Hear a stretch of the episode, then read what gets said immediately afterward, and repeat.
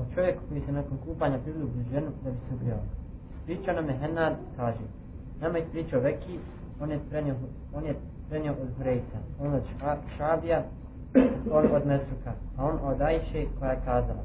Ponekad bi vjerovjesnik, Allah ga blagoslovio spasio, nakon što se okupa zbog džunukuka, ljubi uz mene da bi se ugrijao. Ja bi ga prigula u sebe još neokupan. Ebu Isa kaže, u sene dok hadisa nema nikakvih smetnji. Stavlja većini učenjaka iz generacija sahaba, vjerovjesnikovi, Allah ga blagoslovi spasio, savremena, savremenika i tabina, da se čovjek nakon što se okupa može priljubiti tijelo svoje žene koja nije okupana, s ciljem da se uz nju ugrije i da uz nju zaspije. Ovo je stav Sufjana Sevrije, Šafije, Ahmeda Isa. Draga braćo, naravno imam i termin ovaj hadith Allahu poslanika sallallahu alejhi ve nakon što je spomenuo pazite onaj hadith od Abu Hurajre koga smo spomenuli prošli put. Gdje je rekao Abu Huriri radi Allahu ta'ala anhu innal mu'mina a u drugoj predaj innal muslima la yanjus da vjernik odnosno musliman mu'min ne može biti nečist. Pa je navao i ovaj hadis da potvrdi da je taj propis isti za ženu. Jer vi znate da su židovi u vremenu poslanika sallallahu alaihi wa sallam u Medini pazite napuštali potpuno svoje žene u vremenu hajda u vremenu menstruacije jer su smatrali da nije dozvoljeno da sjede sa njima niti jedu, niti piju, niti da ih dodirnu. Smatrali su ih nečiste. I doće kasnije poglavlje gdje će navesti on onaj hadisa Allahu poslanika sallallahu alejhi po pitanju toga da je dozvoljeno da se onaj da čovjek sjedi i da jede i da pije i tako dalje sa ženom koja je u hajdu i da to ne mijenja nikakav prop, onaj propis gdje je naveo znači ovaj hadis Allahu poslanika sallallahu alejhi ve kao odgovor židovima koji su na ovakav jedan način posmatrali ženu dok je u hajdu. Da pokaže da je praksa Allahu poslanika sallallahu alaihi wa sallam bila iz lijepog ahlaka, iz lijepog morala, iz lijepog obhođenja čovjeka, muža, prema svojoj ženi, da bi znao Allahu poslanika sallallahu alaihi wa sallam ustati nakon odnosa, pazite, je kupa se prije Aisha radijallahu ta'ala anha. I nakon toga ponovo doći i leći pokraj nje, da bi se zagrijao, što podrazumijeva da je naravno ona i dodirno, što jasno upućuje da nema nikakvi onaj, zapreke da žena svejedno da li bila u hajdu ili još bila onaj, u džunupluku da nema nikakve razlike i da se propis ne mijenja i da to pokvareno i prljavo svatanje i vjerovanje na kojem su bili židovi nema nikakvog uporišta, draga braćo, u islamu. Allah subhanahu wa ta'ala je zabranio čovjeku da ima odnos, pazite, sa svojom ženom u momentu dok ima hajd, dok ima menstruaciju. Kaže Allah subhanahu wa ta'ala, يسألونك عن المحيض قل هو أذن فاعتزلوا النساء في المحيض ولا تقربوهن حتى يطهرن فإذا تطهرن kaže Allah subhanahu wa ta'ala pitaju te o mjesečnom pranju pitaju te o hajdu pazite Kaže Allah subhanahu wa ta'ala, reci to je ezijet. To je ezijet. Kažu islamski učenjaci da je to ezijet, da to uznemirava i čovjeka i ženu. Jer onaj, to šteti u svakom pogledu. Bilo po pitanju duše na duhovnom polju, da to šteti, bilo po pitanju tijela samoga. Do te mjere da danas doktori onaj, govori oko te problematike da veoma često odnos kod nevjernika koji imaju odnos, polni odnos sa svojom ženom u vremenu hajda, ona u vremenu menstruacije, veoma često bude to uzrok za, da zadobijaju bolest prostate. Kao što dolazi do mnogih drugih oboljena, polnih bolesti, onaj, pogotovo kod žene. Jer Allah subhanahu wa ta'ala koji je stvorio i čovjeka i ženu, jasno u Kur'anu kaže, reći to je zije, to uznemirava čovjeka i ženu. I to je šteta, to je bolest. To je Allah subhanahu wa ta'ala jasno rekao. Ali je ovdje upotrijebio riječ al-mahir, mjesto gdje je mjesto hajda samoga. Što podrazumijeva da Allah subhanahu wa ta'ala zabranio čovjeku odnos sa ženom, a da nema problema da je dodirni da se rukuje sa njom ona, ili čak da se slađuje kao što će doći kasnije onaj hadise Allahu poslanika sallallahu alaihi wa sallam na tu temu. I Allah žalzašanu je ovdje zabranio, pazite, čovjeku u vremenu hajda onaj, da sačeka dok se ne očisti. Ali pazite, ovdje imate dva čišćenja. Imate čišćenje što podrazumijeva prestanak krvi kod žene. I zato je svezan određeni propisi, pazite. A imate drugo čišćenje koje podrazumijeva da se mora okupati, pazite, od samoga hajda. Otuda, stav većine islamskih učenjaka da nije dozvoljeno čovjeku da ima odnos sa svojom ženom sve dok se ona ne okupa nakon hajda, pa makar i prestala krv. Znači ti, ako treba da se čeka pola sata ili sat vremena dok se dok nađe vremena da se okupa, nije dozvoljeno čovjeku da ima odnos, jer Allah Žešanu kaže, voda takrabuhunne, hatta yathurne. Nemojte im prilaziti dok se ne očisti. Ovdje kao islamski učenjaci, podrazumijeva dok se ne očisti dok ne prestane krv. Pa ila da pa hrne, upotrebljen drugi glagol. Kada se one okupaju, tek onda, pazite, uslov, moraju biti ova dva, dvije stvari, prestanak krvi i kupanje s njove strane. Tek onda čovjeku postoje dozvoljeno da ima odnos sa svojom ženom. Kaže na tom stanovištu većina islamskih učenjaka, mada jedan dio islamskih učenjaka kažu da je dozvoljeno čak nakon, on, da ima čovjek odnosi i nakon prestanka same krvi. Ali kažemo, onaj vanština ovog kuranskog ajeta zaista upućuje na stav većine islamskih učenjaka, što znači da je haram, draga braćo, onaj, da čovjek ima odnos u e, vremenu hajda i postoji kefaret od pazite, koja će kasnije doći, spomenut ćemo, onaj hadis Allahu poslanika, koji sam od Ibn Abbas radijallahu ta'ala, anuma gdje Allahu poslanik sallallahu alejhi strogo zabranio da čovjek ima odnos sa ženom u vremenu hajda. I propisao je Allahu poslanik sallallahu alejhi ve sellem onaj ko bude općio sa svojom ženom u vremenu hajda, da je to od velikih grija, pazite, haram, što podrazumijeva da mora tražiti oprost od Allaha za ženu, da se mora pokajati od toga grijeha, s druge strane mora kefaret da da. A kefaret iznosi, kao što je došlo, u hadisu Allahu poslanika sallallahu alaihi wa sallam, bel je sadak bi dinarin au nisli dinar.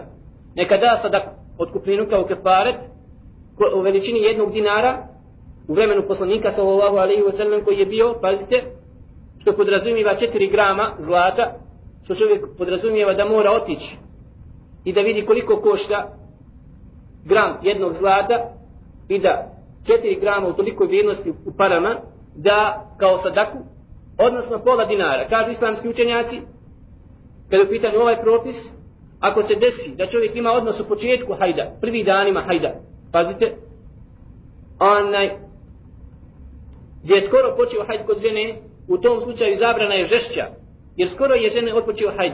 S kojim pravom imaš, onaj, s kojim opravdanjem, možeš doći pred Allaha subhanahu wa ta'ala zato što si ima odnos sa ženom u hajdu, a skoro je počeo hajd. Oto da kaže islamski učenjaci došao je propis žešći. A ako je na kraju, kada čovjek naravno poželi svoju ženu i tako dalje, i ne mogu, ako se ne bude mogao strpiti, onda kaže islamski učenjaci, kako došao u hadisa, kažemo, ko je su islamski učenjaci različni, koje spomenuti, imam i termin kasnije, kaže Allah poslanik sam onda pola dinara, što podrazumijeva šta? Onaj, dva grama onaj zlata, ali sve to zahtijeva te od Allah subhanahu wa ta'ala, drago braću, to je haram, to je zabranjeno od velikih grijeha. Jer Allah subhanahu wa ta'ala je vjera čista. Vjera po pitanju, čista je po pitanju vjerovanja. I čista je po pitanju onaj, svakog segmenta čovjekovog života i o da kažemo onaj, došao je ovakav Allah subhanahu wa ta'ala propis. Međutim, kažem, ubrzo ćemo sada početi u sami propisa hajda. Jer će imam tirmidni početi da govori o, o propisima istihazije.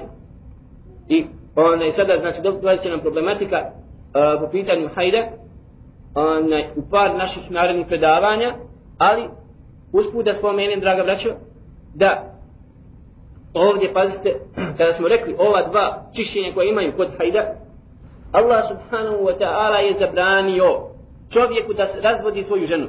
Pazite.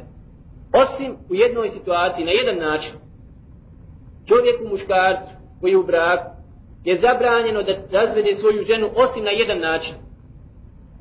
A to je, Tako Allah subhanahu wa ta'ala kaže, Ja juhan nabi, Iza talaktumu nisa, fatalikuhunna li iddatihinna. Pazite, zbog čega sam ovo spomenuo, zato sam spomenuo malo prije meselu. A ona je vezana za nju. Kaže Allah subhanahu wa ta'ala poslaniku sallallahu alaihi sallam, o poslaniće, a kada budete razvodili svoje žene, onda ih razvodite u iddetu, pazite.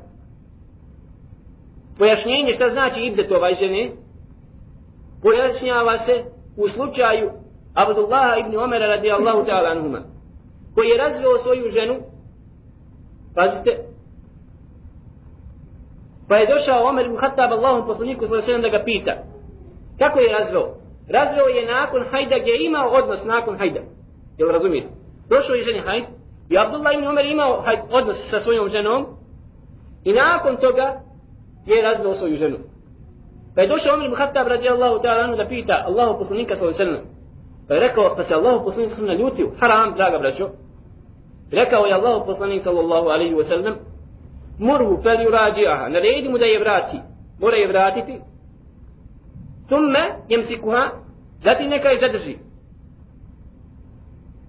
Hatta takfur, thumma tahid, thumma takfur, thumma in sha'a talaqa, ثم إن شاء طلقها ثم إن شاء أمسكها kaže na redu mu neka je vrati nek sačeka dok dođe sljedeći hajd pa kada se žena očisti od hajda pazite kada prođe hajd kod žene menstruacija onda ako hoće neka je razvede ili ako hoće neka je zadrži pazite to je iddet to je način na koji Allah subhanahu wa ta'ala u onom kuranskom ajetu naredio da čovjek vjernik razvodi svoju ženu što znači dragi brate u hajdu Nije dozvoljeno čovjek da razvodi svoju ženu, haram, grijeh. To pada razvod braka, broji mu se.